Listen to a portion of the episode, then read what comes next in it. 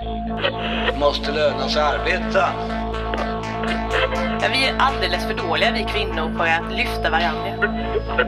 Tycker du att det är rättvist att du kan få rutbidrag för bartenders? Just nu tror jag att det är vi som är den starkaste försvararen av den svenska modellen. Avundsjukan i det socialdemokratiska idealsamhället är ju större än sexualdriften. Välkomna till Arbetsvärldens podd fredag den 23 mars 2018. Arbetsvärlden är en fristående webbtidning som ges ut av TCO och skriver för alla som är intresserade av arbetsmarknaden. Vi säger hej som vanligt till Hallå, Britta hallå. Lejon, Hej. eh, ordförande för facket ST för eh, statsanställda tjänstemän. Samuel Engblom, samhällspolitisk chef på TCO, Tjänstemännens centralorganisation. Och en för dagen aningen förkyld eh, chefredaktör på Arbetsvärlden, jag själv, Mikael Fältman. Hörrni, idag så ska vi tala om eh, Svenskt Näringslivs arbetsmarknadsekonomiska råd som har släppt sin sista rapport om atypiska anlitandeformer och enkla jobb. Är de fällor eller är de en väg in på arbetsmarknaden? Vi ska prata om avslöjanden kring Facebook och Cambridge Analytica eh, och vad de gör med vår världsbild. Vi ska ha lite Hanif Bali-satir och så några spaningar på slutet. Stay tuned! Hörni, eh, Arbetsmarknadsekonomiska rådet, det är ju en eh, institution som släppte sin sista rapport sponsrat av, eller finansierat av Svenskt Näringsliv med fristående forskning med Lars Calmfors som största affischnamn. Ehm, de har ju undersökt hur det gått för personer som har haft enkla jobb som typ städare, snabbmatspersonal, tidningsdistributörer och handpaketerare. Och så har de tittat på hur det har gått för dem eh, om de har eh, fått en väg in på arbetsmarknaden som det ofta hävdas. Och eh, tänkte vi skulle prata om vad de kommer fram till i den här rapporten. Eh, Samuel, du ska få berätta eh, ingående om detta, tänkte vi. Mm, tack! Jag, jag har läst rapporten och jag kan verkligen rekommendera den. Jag tycker den är, den är väldigt välskriven, den är bra. Man kan också se att de har verkligen skrivit in det sista för de får med saker som etableringsjobben och sånt och för resonemang om dem. Så den kan jag, den är, det är ett, helt klart ett boktips om man är intresserad av arbetsmarknaden. Det är bra genomgångar, de har gjort, räknat på en hel del intressanta saker eh, själva. Eh, och vad säger den då? Den, den handlar inte bara om enkla jobb, utan den handlar faktiskt om ska säga, atyp, det de kallar för atypiska sysselsättningsformer. Det som vi har ofta pratat om som atypiska anlitande former. Alltså alla som inte har en tillsvidareanställning på heltid hos den arbetsgivare där arbetet utförs. Så då är det ju visstidsanställda, det är företagare, det är eh, anställda bemanningsföretag tar de in också. Eh, så i det här. Eh, och det har ju länge förutspåtts och ofta hävdats att den här typen av atypiska eh, sysselsättningsformer eller anställningar eller anlitande former, att det är det som kommer ta över, det är det som är framtiden. Va? Och ibland så beskrivs det här som den, liksom, det här är den nya moderna framtiden. Den Och nya plattformsekonomin och så precis, vidare. och ibland är det dystopin. Va? Men det har hävdats med en fas och och många säger det där ganska slentrianmässigt. Jag har fler och fler visstidsanställda och fler och fler egenföretagare. Men när vi tittar på datan så är det inte så.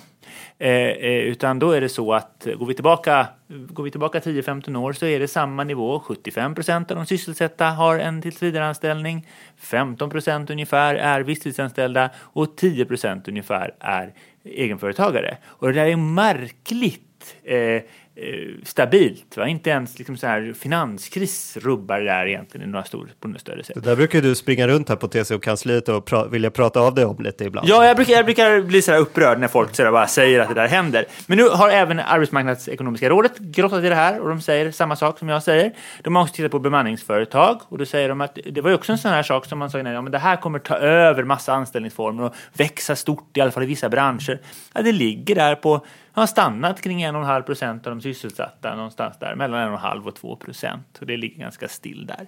Men du Samuel, de kunde väl ändå konstatera i sin rapport, nu har inte jag läst hela eller lusläst den, men ändå visst är det väl så att de kan konstatera att karaktären på de här tillfälliga anställningarna har en- ändrat? Precis, det har de och det har SCB också konstaterat tidigare. Det finns några LO-rapporter och samma sak. När man då tittar på vilken typ av visstidsanställning man har. Och då, det, då, då kan man se att då har det skett ett skifte eh, där eh, sådana här eh, visstidsanställningar som typiskt sett är kortare och mis, mer, mer osäkra. Alltså be, behovs Att och timanställningar. och kort behov varsel. Mm. och timanställningar, de har ökat medan till exempel vikariat har, har minskat.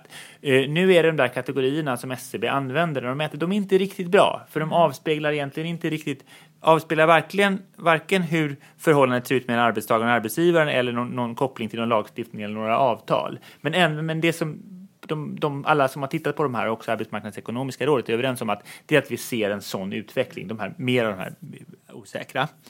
Eh, och sen så går rådet då på djupet med ett, som har, ett argument som har varit väldigt viktigt för arbetsgivarsidan i Sverige, nämligen att visstidsanställningar är en språngbräda in på arbetsmarknaden. Det är ju det man använder så fort någon så vill reglera visstidsanställningar på något sätt, hindra stapling eller ta bort någon visstidsanställningsform, då säger de nej, rör inte dem för de är en språngbräda.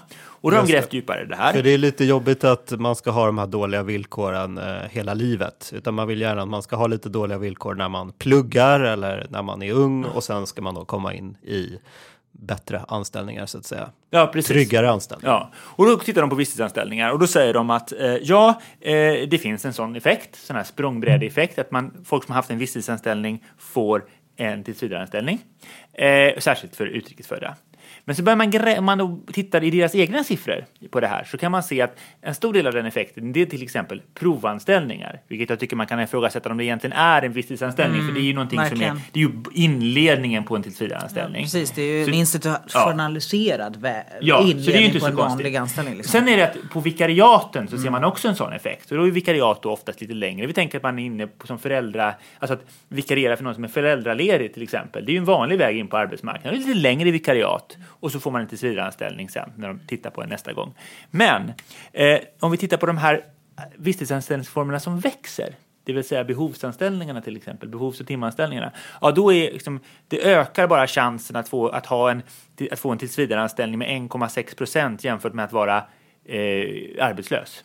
Och för övriga visstidsanställningar, vilket givetvis är ett hopkok av allt möjligt, där finns det liksom ingen statistiskt signifikant effekt. Det, det, alltså du har inte större chans att få en tillsvidareanställning och ha en sån anställning jämfört med att du är arbetslös. Och jag måste säga att de där två senare siffrorna, det är ganska förvånande. För man tänker ju sig givetvis att, för att först få en visstidsanställning och sen kunna gå vidare in på arbetsmarknaden. Så det är ju märkligt lågt och det tyder ju snarare på att det finns de människor som faktiskt fastnar i den typen utav, utav anställningar. Och det är kanske till exempel ja, det som LO skulle kalla sms-anställningar inom, eh, vad vet jag, hemtjänst, ja, handel, eh, där man blir eh, inkallad via Ja. sms på ja, har du en liksom. bransch och sen, eh, alltså en hel, om du har en hel bransch där det här dominerar anställningsformen, ja det är klart att då får du inte den här språngbrädeseffekten. Och det är ju dels den, men vi vet också mediebranschen. Journalistförbundet, många av Journalistförbundets Mm. medlemmar går ju runt, runt på visstidsanställningar. Jag vet att det finns ju även inom staten i vissa områden Absolut, vi har fått problem med det. Absolut. länge.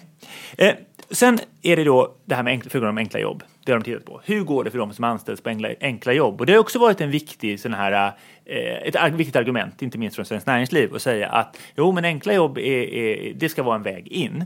Eh, och då eh, har de sagt tidigare att ja, vi skulle behöva enkla jobb som är lite mer varaktiga. Det har SNS sagt också. Och så tittar man på de här etableringsanställningarna som ju nu LO, Unionen och Svenskt Näringsliv har kommit överens om. Och då säger man att det här är ett bra exempel på sådana, de ska man genomföra. Det är ju en liten sån här eh, pik då till de politiska partier som inte är så förtjusta i den idén. Va?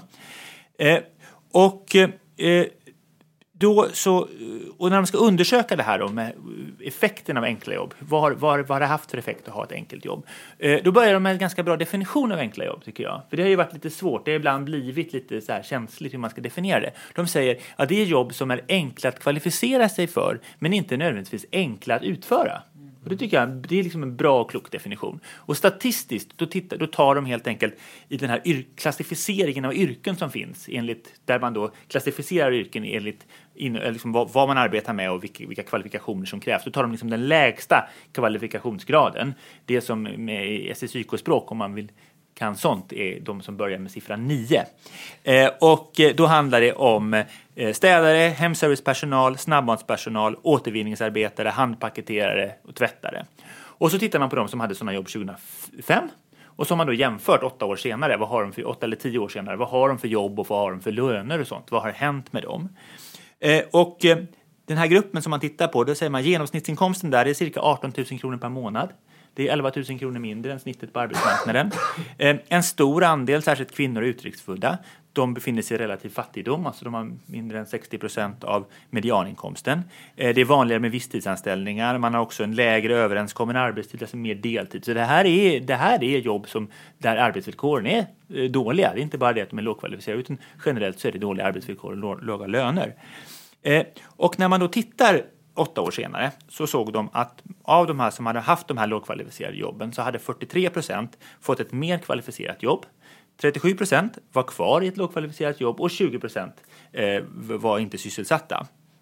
Och när de tittar på de här som har fått mer kvalificerade jobb, ja, 8 av 10 hade ju då gått till jobb på gymnasienivå, alltså till undersköterskor, chaufförer, försäljare, restaurangpersonal. De har liksom gått upp, de har rört sig ett snäpp uppåt men inte fler snäpp uppåt i, mm. liksom när det gäller eh, hur kvalificerade jobb de har.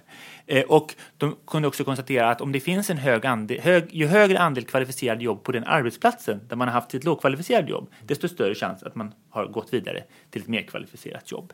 Eh, och slutsatsen tycker jag man kan dra av det här, det är ju att Dels att det är bra med den här typen av studier där man inte bara tar ögon, ögonblicksbilder på hela arbetsmarknaden utan man faktiskt följer individer. För då får vi en uppfattning om vad vad, vad händer med människor? Va? Inte bara att det finns så här många som har så här jobb och så här många som har så här jobb, utan vad, hur utvecklas, liksom, vad, hur ser människors liv ut? Tycker, i, sånt kan man börja se i de här siffrorna. Eh, och eh, då, eh, och man kan försöka förstå vad det är som skapar bättre möjligheter på arbetsmarknaden. Eh, och det som finns, eh, som de nämner och som det finns tidigare studier på, det är till exempel vikten av utbildningsmöjligheter för människor som befinner sig i de här situationerna. Och då kanske kunna kombinera det med arbete. Så jag tror att vi måste tänka mer. Om vi nu tänker oss att vi har fått in, vi har då unga utan gymnasieutbildning och vi har eh, eh, en viss liksom, vissa av de nyanlända som kommer då gå in på den här typen av jobb. Det blir väldigt viktigt att se till att det hela tiden finns möjligheter att gå vidare. Det måste finnas möjlighet att kombinera de här typen av arbete med utbildning till exempel. Och om vi då tar de här behovs och, och, och de här sms-anställningarna, det rings in och sånt. Ja, de där tror jag att man måste tänka igenom både arbetsmarknads och utbildningspolitiken. För där finns det personer som kanske kommer vara eh, det är inte det här att du jobbar så blir du arbetslös och, då kan du få en och så är du arbetslös en period där du kan få en arbetsmarknadsutbildning och sen kan du in. Utan du kommer hoppa in och ut på arbetsmarknaden. Då måste det finnas både arbetsmarknadspolitiska program men också utbildningar som är mycket mer flexibla för att hjälpa människor att komma vidare. Det tror jag blir en av de här, en ny sak som vi inte har varit så bra på inom arbetsmarknadspolitiken och utbildningspolitiken som vi måste bli bättre på. Hur kan man tänka kring, det låter ju som att branscher och arbetsplatser, man vill gärna att de, ska, de branscher och arbetsplatser som har den här typen av jobb ska ha mer kvalificerade jobb också. Kan man eh, tänka kring det på något sätt? Ja, alltså det är ju en av de sakerna de hittar. Att är det, finns det mer kvalificerade jobb på den arbetsplats man är så, är det, så, så ökar det chansen att man rör sig uppåt. Och det är klart, om, det fin, om vi tänker oss... Man får en förtrogenhet med att det finns andra vägar att gå också, ja. andra, andra arbetsuppgifter. Absolut. Du, eh, jag var, vi var med förbundsstyrelsen i mitt förbund, ST, i, bland annat i Berlin i Tyskland förra veckan. Just för att försöka ta del av deras erfarenheter av eh, de stora förändringar som arbetsmarknaden i Tyskland har gått igenom och fackföreningsrörelsen i Tyskland. Vad är orsakerna till att de tappat så mycket mark och sådär deras erfarenheter av sin, deras enkla jobb, nu vet de här minijobsen som är ganska många, som var en förhoppning om att man skulle liksom hitta nya vägar för människor in på arbetsmarknaden, som människor som hade haft eh, relativt långt till jobb tidigare. Nu så här eh, ett antal år efteråt så, så har en del av deras förhoppningar om att det skulle vara en väg in till mer kvalificerade jobb, eh, fastare förankring på arbetsmarknaden har kommit lite på skam. Deras, de sa det till oss att tyvärr visar det sig att människor har en tendens att fastna i den här typen av eh, enklare jobb. Och det som jag inte kände till det var att majoriteten av de tyskar som har fastnat i de här minijobbsen som alltså inte riktigt går att leva på det är kvinnor.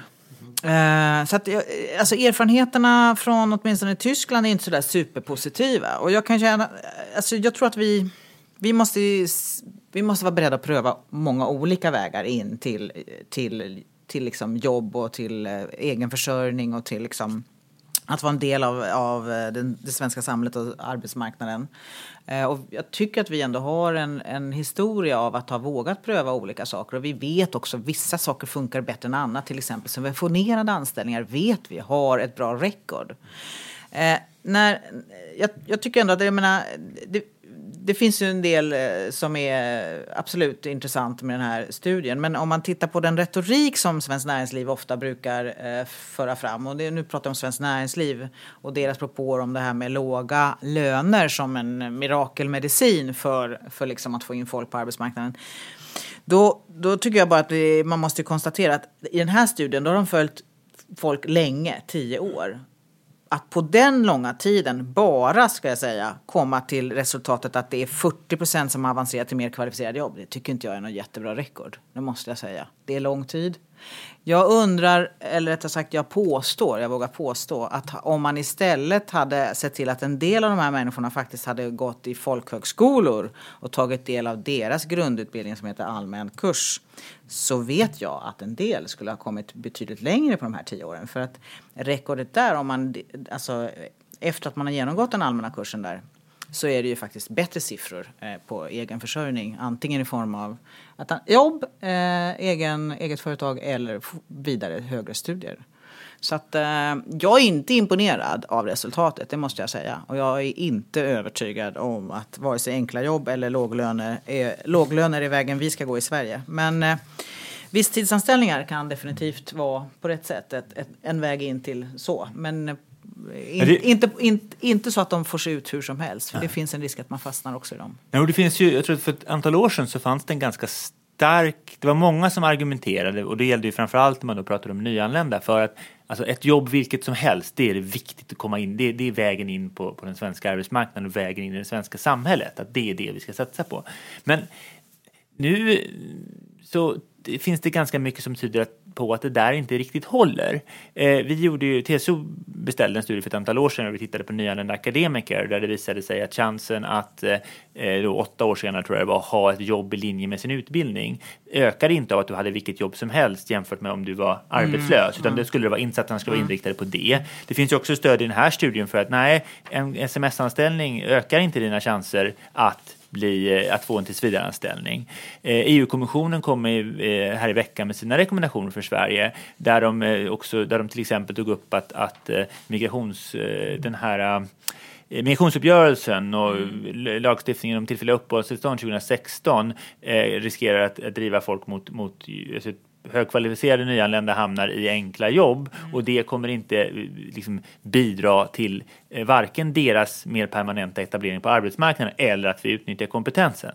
Så det är verkligen viktigt att studera de här mönstren. Hur rör man sig alltså, vidare? Alltså, och våga ska... ifrågasätta sånt som, som låter intuitivt rimligt. Att ja, men det är väl bra att ha men, ett jobb. Men när det gäller den där grejen, så den, svensk, den svenska liksom, utformningen av hur, under vilka villkor folk ska få stanna kvar här. Det var, var ju ganska enkelt redan från början att se att det fanns en del genuint grundläggande problem med det. Alltså det här med att kräva att folk ska kunna ha sin egen försörjning. Och, på väldigt kort tid. Och, eh, ja, nej, det, ger, det är liksom eh, dömt att skapa en del eh, problem i dess alltså, efterföljd. Det kan ju finnas andra skäl till att man ska ha den här typen av otrygga anställningar. Men ska de finnas? Ska vi tillåta den här typen av anställningar? Sms-anställningar?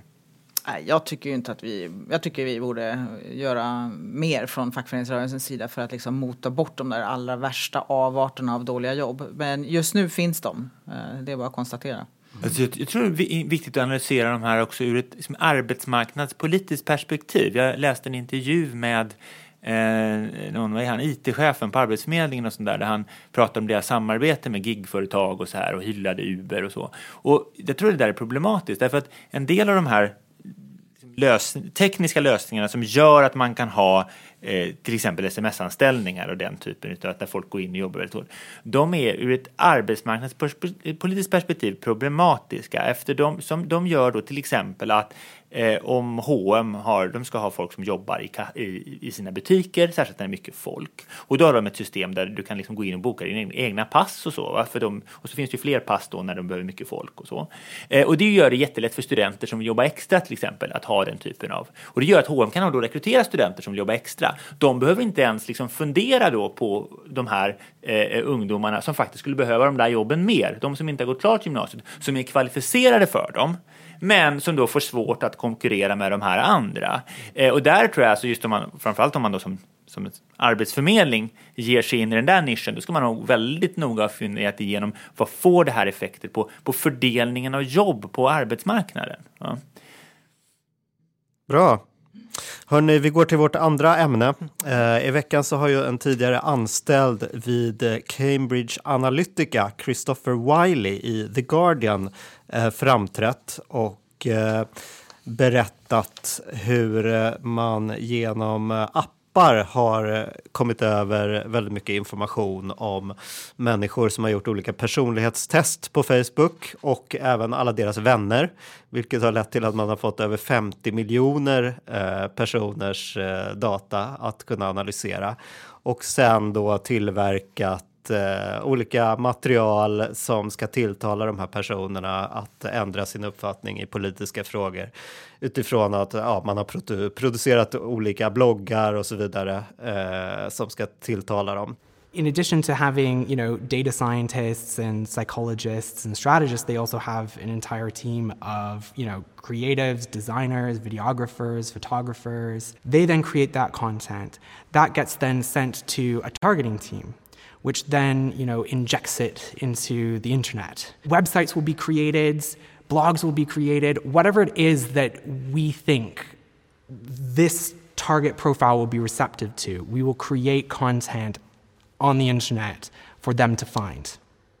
And then they see that and they click it and they go down the rabbit hole um, until they start to think that, you know, something, until they start to think something differently. Cambridge Analytica har ju faktiskt förnekat att det skulle vara så här, att de skulle ha använt de här eh, profilerna, även om de sedan sparkade sin chef då.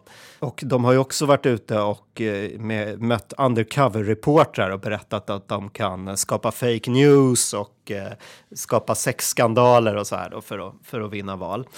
Um, om man, den här Christopher Wiley säger bland annat i den här intervjun att om man vill förändra verkligheten man måste man först bryta ner den. Man måste skapa liksom, eh, olika verkligheter för olika personer och att eh, man måste ändra kulturen och då måste man ändra människorna först för att ändra kulturen för att sen kunna ändra politiken.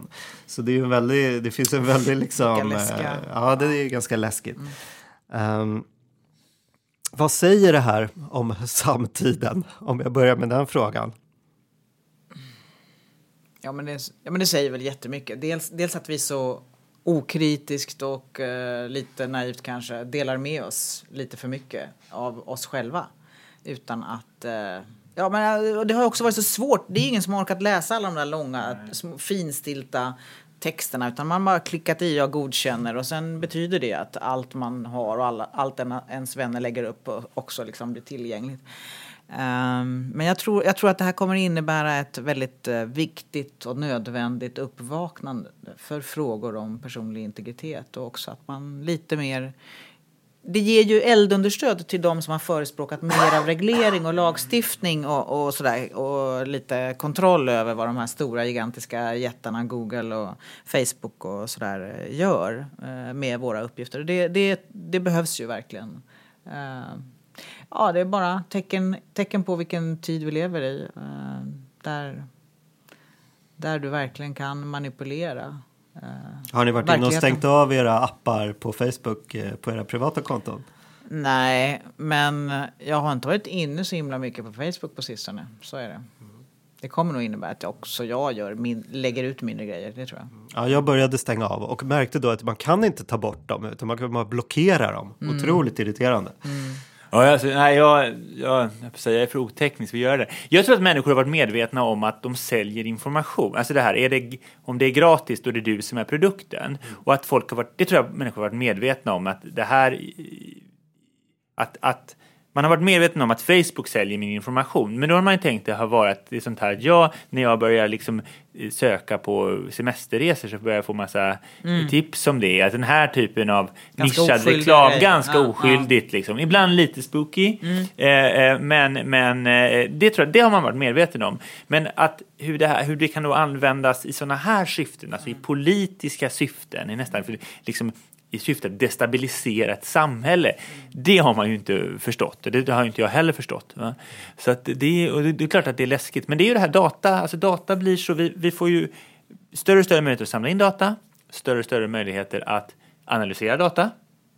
Och eh, då är det klart att de, de som först kommer på vad du kan göra med en viss data, de har ju ett försprång. Va? Men det ska man komma ihåg att när, när det- när Obama var ju också ganska tidigt ute med, med att just använda sig av profiler och sånt här. Och då var det ganska hyllat. Va? Sen har det ju det här nu blivit mycket, mycket större och, sen, och, mycket, och lite, lite så här fulare. Va?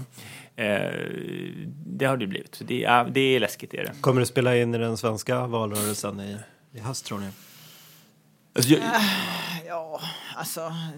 jag förutsätter Jag, nästan hopp, det. ja, alltså, jag, jag, hopp, jag hoppas att det här kommer leda till att, att eh, EU-kommissionens förslag om att reglera de här jättarna kommer få lättare att få gehör. Att vi kommer lättare kunna få till stånd en lagstiftning som sätter upp lite gränser och lite kontroll och sådär.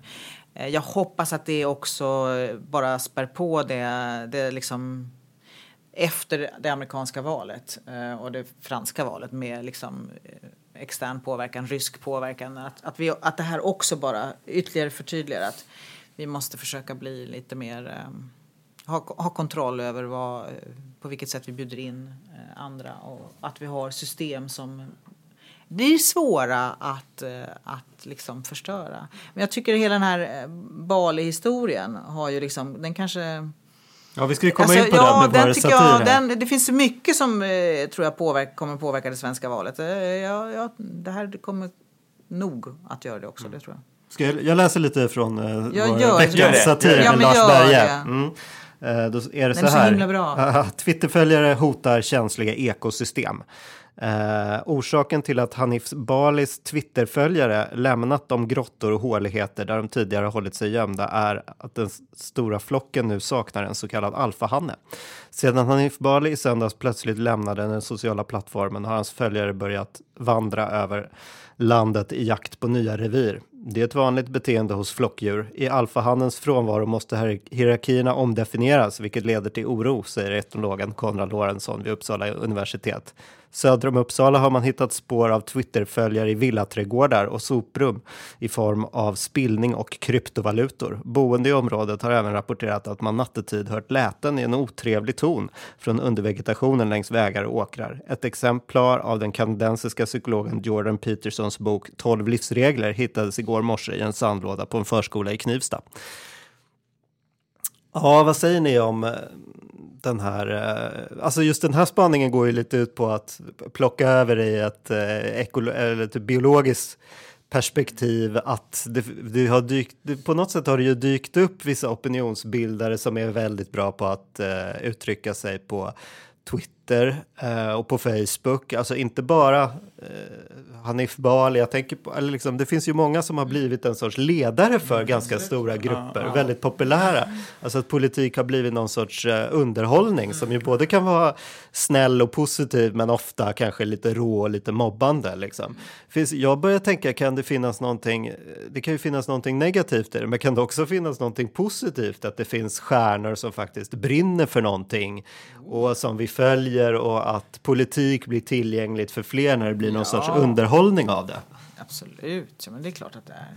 Ja, ja. ja jag är, Ja, jo, men jag det är tycker lite... jag. jag menar, att, att unga människor använder sig av Youtube för att liksom eh, både underhålla sina kompisar men ibland också eh, ha diskussioner med fler eh, om, om saker som är angelägna i, ti- i tiden. Alltså, det är väl, det är väl alltså utmärkt. Alltså, Jag- det finns ju massor med förutsättningar där. Men det finns också jättemycket avarter till det här som då, jag menar den här uppenbara problematiken med hot och hat och, och att det är mycket lättare att säga hemskheter när man inte möter den man säger det till. Alltså, till det kommer ju hela den här problematiken med att diktaturer väldigt lätt också kan censurera, väldigt lätt kan följa, väldigt lätt, jag menar ni vet, det, det här är ett medel det här är ett medel som både går att använda i att förstärka demokratin, fördjupa demokratin.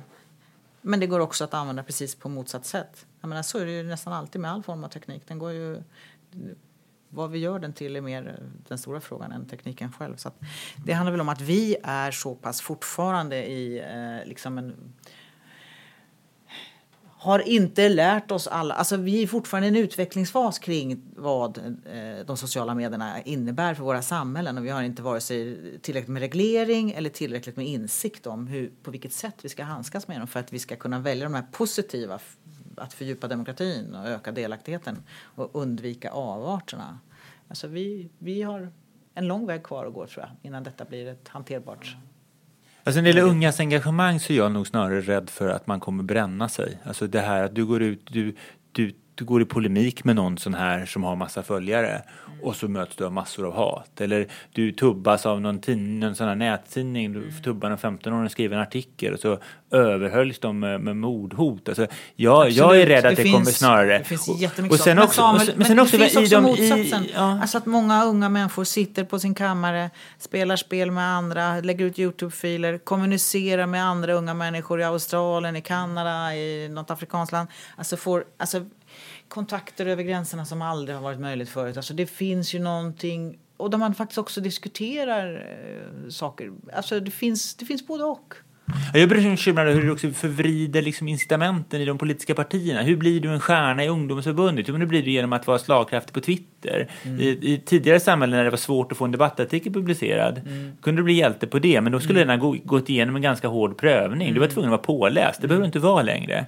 Där är jag rädd för, och, och så blir de som hamnar på riksdagslistor och sånt där. Så där är jag rädd för att, Jo, jo att det har driver fel partierna så. ett ansvar så. för vilka är det man lyfter fram och vilka är det man liksom, hur, på vilket sätt får Ja, men de- igenom. Ja, Hur, vilken, vi, vad premierar man? Alltså ja, Ja, de den är är ingen ny, det är ingen ny diskussion Nej, egentligen. nej. Det är bara det att tekniken spelar, ställer den ytterligare på sin spets. Vi har haft den förut också.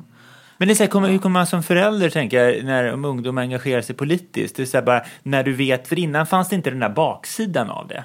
Som det kan finnas nu. Alltså det vill säga att du åker på en massa Fanns det massa väl, fast det finns näthat mycket tydligare. Ja, det Det där... fanns ju baksidor förut också. Men visst, ja, men, ja, men ja, jag kan avarterna vara- finns all anledning att vara, jag menar, det, är ju, det har ju hänt både det ena och det andra. Och jag, tycker, som har- ja, och jag tycker inte, det jag sagt tidigare, jag tycker att faktiskt inte att de politiska partierna idag tar sitt ansvar för, för tonen. eh, Håller jag helt med om. Eh, Det här att man liksom fragmenterar sitt budskap med hjälp av olika företrädare med olika ton. Att man Eh, tillåter ja. en del saker. Ja, och partier måste stå för någonting. Alltså någon måste Absolut. faktiskt... Eh, eh, så hellre, och det har jag sagt, hellre då, då vill jag hellre mötas av ett budskap som är dikterat centralt från en partisekreterare. Man måste välja mellan de två. Än de här att man har sina egna eh, liksom, sumpmarksfiskare i partierna.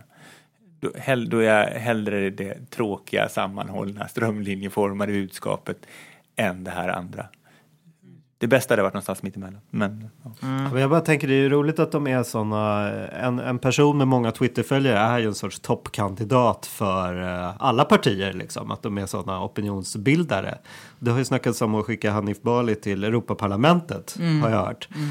Man kan ju också tänka sig att så här, en, en eh, perfekt kandidat för sossarna vore ju Daniel Suonen som har- också har det här otroliga drivet i liksom eh, Eh, på Facebook och Twitter och alltså att oavsett Inga jämförelser eh, i övrigt, men liksom det, man blir ju en makthavare på ett annat sätt genom eh, opinionsbildning, snabb opinionsbildning idag. Absolut, det är, ju jätte, det är viktigt. Sen, sen är det precis som Samuel säger, att det är bara för att man kan kommunicera via Twitter så Ja. betyder inte det att man, kan, att man är lämplig i andra avseenden. Så att, Mm. jag menar, det, här, här, här, det är verkligen en jätteviktig diskussion. Eh, Sen är det hur politiska partier utnyttjar det här med bubblorna. För det är ju lite där också som Cambridge Analytica kom in. Att du riktar ett budskap åt en viss målgrupp. Och det har man ju alltid gjort. Men det är väl lite det här då när vi då inte eh, eller alla läser samma morgontidning eller tittar på samma tv-nyheter så kan ett parti givetvis frestas att skicka väldigt olika signaler till olika eh, grupper. Därför att den där andra gruppen du försöker locka, de ser inte det här andra budskapet. Va? Alltså, det blir eh, att man om vi tar på sossarnas valstrategi så säger de att vi har två prioritergrupper. Det ena är då eh, de här som ligger mellan S och SM, SD-väljare och det andra är blockbytarna. Mm. Och det där är då potentiella blockbytare. Och det där är grupper som har helt olika karaktäristika. Mm. Eh, då. Och då säger man, då måste de gå ut i spagat för att fånga in båda de här grupperna. Men det är klart, med lite sådana här listiga verktyg då, du skulle kunna rikta ett väldigt hårt alltså ett, ett budskap om, om eh, höga, höga murar, långa batonger till ett gäng och hitta, skicka ett annat budskap, ett helt annat budskap till, till de andra. Och då finns ju risk att partierna liksom slutar vara konsekventa. Så det är där jag... Absolut, och det är det vi ser här- har hänt liksom, i, i USA och sådär. Eh, och sen får vi inte glömma att det är väldigt många som, faktiskt majoriteten som inte finns på Twitter. Och eh, ibland så eh, tycker jag att de här bubblorna går sen Ja. vet Alltså, ja, ja, jag menar. Ja, men det är lite så här för men, men, jag, men jag, jag vet ju hur det Ja. funkar. Sånt som blir stort på Ja. Twitter blir också sen upptaget i de vanliga medlen, gammelmedia och sådär. Det blir, kan bli en stor, stora grejer överhuvudtaget. Men, men lite måste jag säga att eh, jag tycker att det finns en för stor upptagenhet med vad som händer på Twitter. Ja, och det är ju, men det är lite intressant för då, sa, då var det ju med Hanif Balius att han skulle ta, sluta med Twitter men ha kvar Facebook och Facebook är ju mycket, mycket större. Där pratar vi om 80 procent av, av internetanvändarna eller något sånt där i Sverige. Medan eh, eh, Twitter fortfarande är ett, ett, ett, ett liksom medium för en ganska liten grupp. Va? Så att- Och jag, men jag tror kanske att den här affären eh, kommer, jag menar för det, det är mycket möjligt att den inte bara kommer innebära mer av lagstiftning och bättre ordning och reda, vilket jag hoppas, utan kanske också kan vara början på att Facebooks, Facebooks nedgång. Liksom. Eh, det kommer komma andra aktörer som gör, eh, gör grejer med vår, med vår, vår kommunikation via sociala medier, nya lösningar. Jag tror inte Facebook är här för att vara den, the one and only, den största liksom, aktören för evigt. Nej, Det finns väl konspirationsteoretiker som tror att det här lyfts upp nu för att sänka Facebook-aktien så att man ska ja. kunna köpa billigt och sen så ska de växa igen. Ja, Har jag nej, sett på. Facebook. Men det som jag tror möjligtvis vi kan... Sverige har ju varit ett land där faktiskt politiska kampanjer och sånt har varit ganska oreglerat. Det har inte varit omgivet av så mycket regleringar. Fråga mig som har försökt reglera det. Ja, och det tror jag... Jag tror nog att vi kan tänka oss att, komma, att det kan komma att bli fler Absolut. spelregler framöver. eh, Faktiskt. Eh, Det skulle vara en naturlig reaktion på det här. Bra, hörni, jag tänkte låta er eh, spana lite som avslutning. Om ni har tänkt på något i veckan. Mm. För en gång skulle en liten positiv spaning och det brukar jag ha svårt med så jag är glad över att jag kunde vara lite fri i den här tiden av populism och av eh, handelskrig och eskalerande upprustning, ett nytt kallt krig om hörnan sådär och ja ni vet så är det svårt att hitta sånt som är positivt. Men vi Eh, jag är vice ordförande i Trygghetsstiftelsen som är den omställningsorganisation vi har för liksom, eh, omställning av statligt anställda. Och just nu har vi jättemycket att göra med de här stora nedskärningarna på Migrationsverket. Vi hade styrelsemöte häromdagen och eh, så hade vi en punkt som handlade om hur vi förvaltar vårt kapital. Och det var så himla, det slog mig, det var så mycket som har hänt på fem år. För jag har suttit i Trygghetsstiftelsens styrelse i fem år. För fem år sedan när jag kom dit eh, som ny representant för SD så, eh, så ville jag att vi skulle förvalta vårt kapital etiskt. Och det var ju en jäkla resa att få till stånd. Vi blev direkt avrådda från de banker som förvaltade Trygghetsstiftelsens kapital. De sa att ni kommer inte att få ut någon, ni kommer inte kunna, ni får ingenting för pengarna ni har. Det, är så, det, är så, det, är så, det blir så dåligt resultat. Men vi stod på oss och vi började då eh, med, med det. Vi hade en, skrev in det i vår policy då. Eh, så att vi började då. Nu när vi hade styrelsemötet den här veckan då sa den bank som förvaltar våra, tar hand om våra aktier eh, att de skulle vilja att vi skrev om vår eh, kapitalplaceringspolicy därför att de har ändrat sitt etiska index. Så det omfattar nu väldigt mycket mer än vad det omfattade tidigare. Fossila bränslen som inte tidigare omfattade. Alltså nu kom liksom en propå från dem själva utvidga. Eh, liksom så.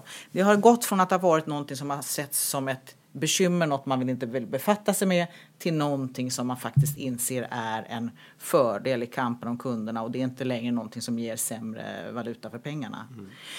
Det, det kände jag bara, oh, wow vad mycket som har hänt på fem år. Sen tänkte jag efter så här, ja, det är jäkla mycket som har hänt på sistone. Det är tysta på någon vänster. Eller tyst inte alltid, men om vi tänker på eh, metoo här.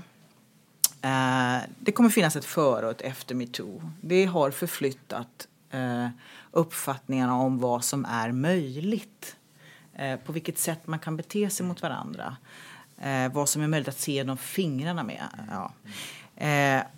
Klimatfrågan är liksom allt mer, även om, inte, även om det inte nu är stora rubriker som det var för några år sedan så tror jag att på något sätt så är det ändå så att den yngre generationen har större förväntningar, ställer större krav. Och bara den här nyheten som kom eh, idag eller häromdagen om att allt fler svenskar faktiskt vill undvika att flyga. Och att det, alltså, det finns, det finns eh, nya, nya liksom attityder här. Och sen tänker jag på det här med, med, och det vi redan har varit inne på, det här med Eh, alltså för några år sedan så var det, det här, ingen som brydde sig om den personliga integriteten. Eh, jag överdriver lite lätt, men ungefär. Det var, ju fler kameror desto bättre. Jag har ingenting att dölja. Det är bara superbra.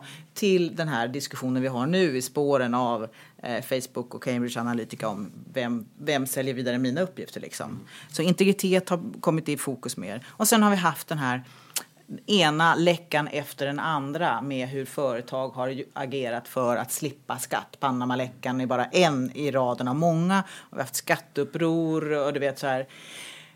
Plötsligt har det blivit en viktig fråga att man gör rätt för sig, också som företag, att man betalar skatt. Eh, annars så blir man satt liksom som i skamvrån. Va? Har du det? Ja, jag, ja, jag måste ändå säga att jag tycker att, jag menar, bara det att, att Svenskt Näringslivs ordförande inte längre kunde fortsätta vara ordförande. Han hade ju lagligt sett, juridiskt sett, inte gjort någonting fel, men han hade överträtt en moralisk gräns som inte var acceptabel.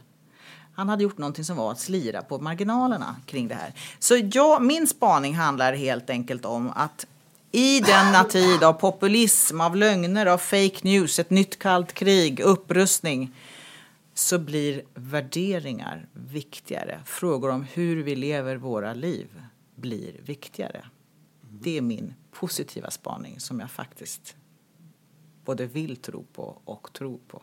Mm. Ja, det låter härligt. Jag är så himla mörk eh, svartsynt när det kommer till både miljö och skatte, Men jag tycker, skatteflykt. Jag tycker det här, för du börjar i det här med kapitalplaceringar. Mm. Och det tror jag är att alltså, det är intressant vad det här är någonting som Mikael kan mycket bättre än jag, men vad ser, liksom en mark, vad ser marknaden som risker? Och jag tror vi har hamnat i ett läge, ja, man ser det som en, det här att ja, om vi har Eftersom det kan, just på grund av klimatkrisen så kan det hända saker med, det kan bli sådana här dieselskandaler eller det kan bli att man nu plötsligt omreglerar någonting så att nej, nu är det här faktiskt inte tillåtet längre.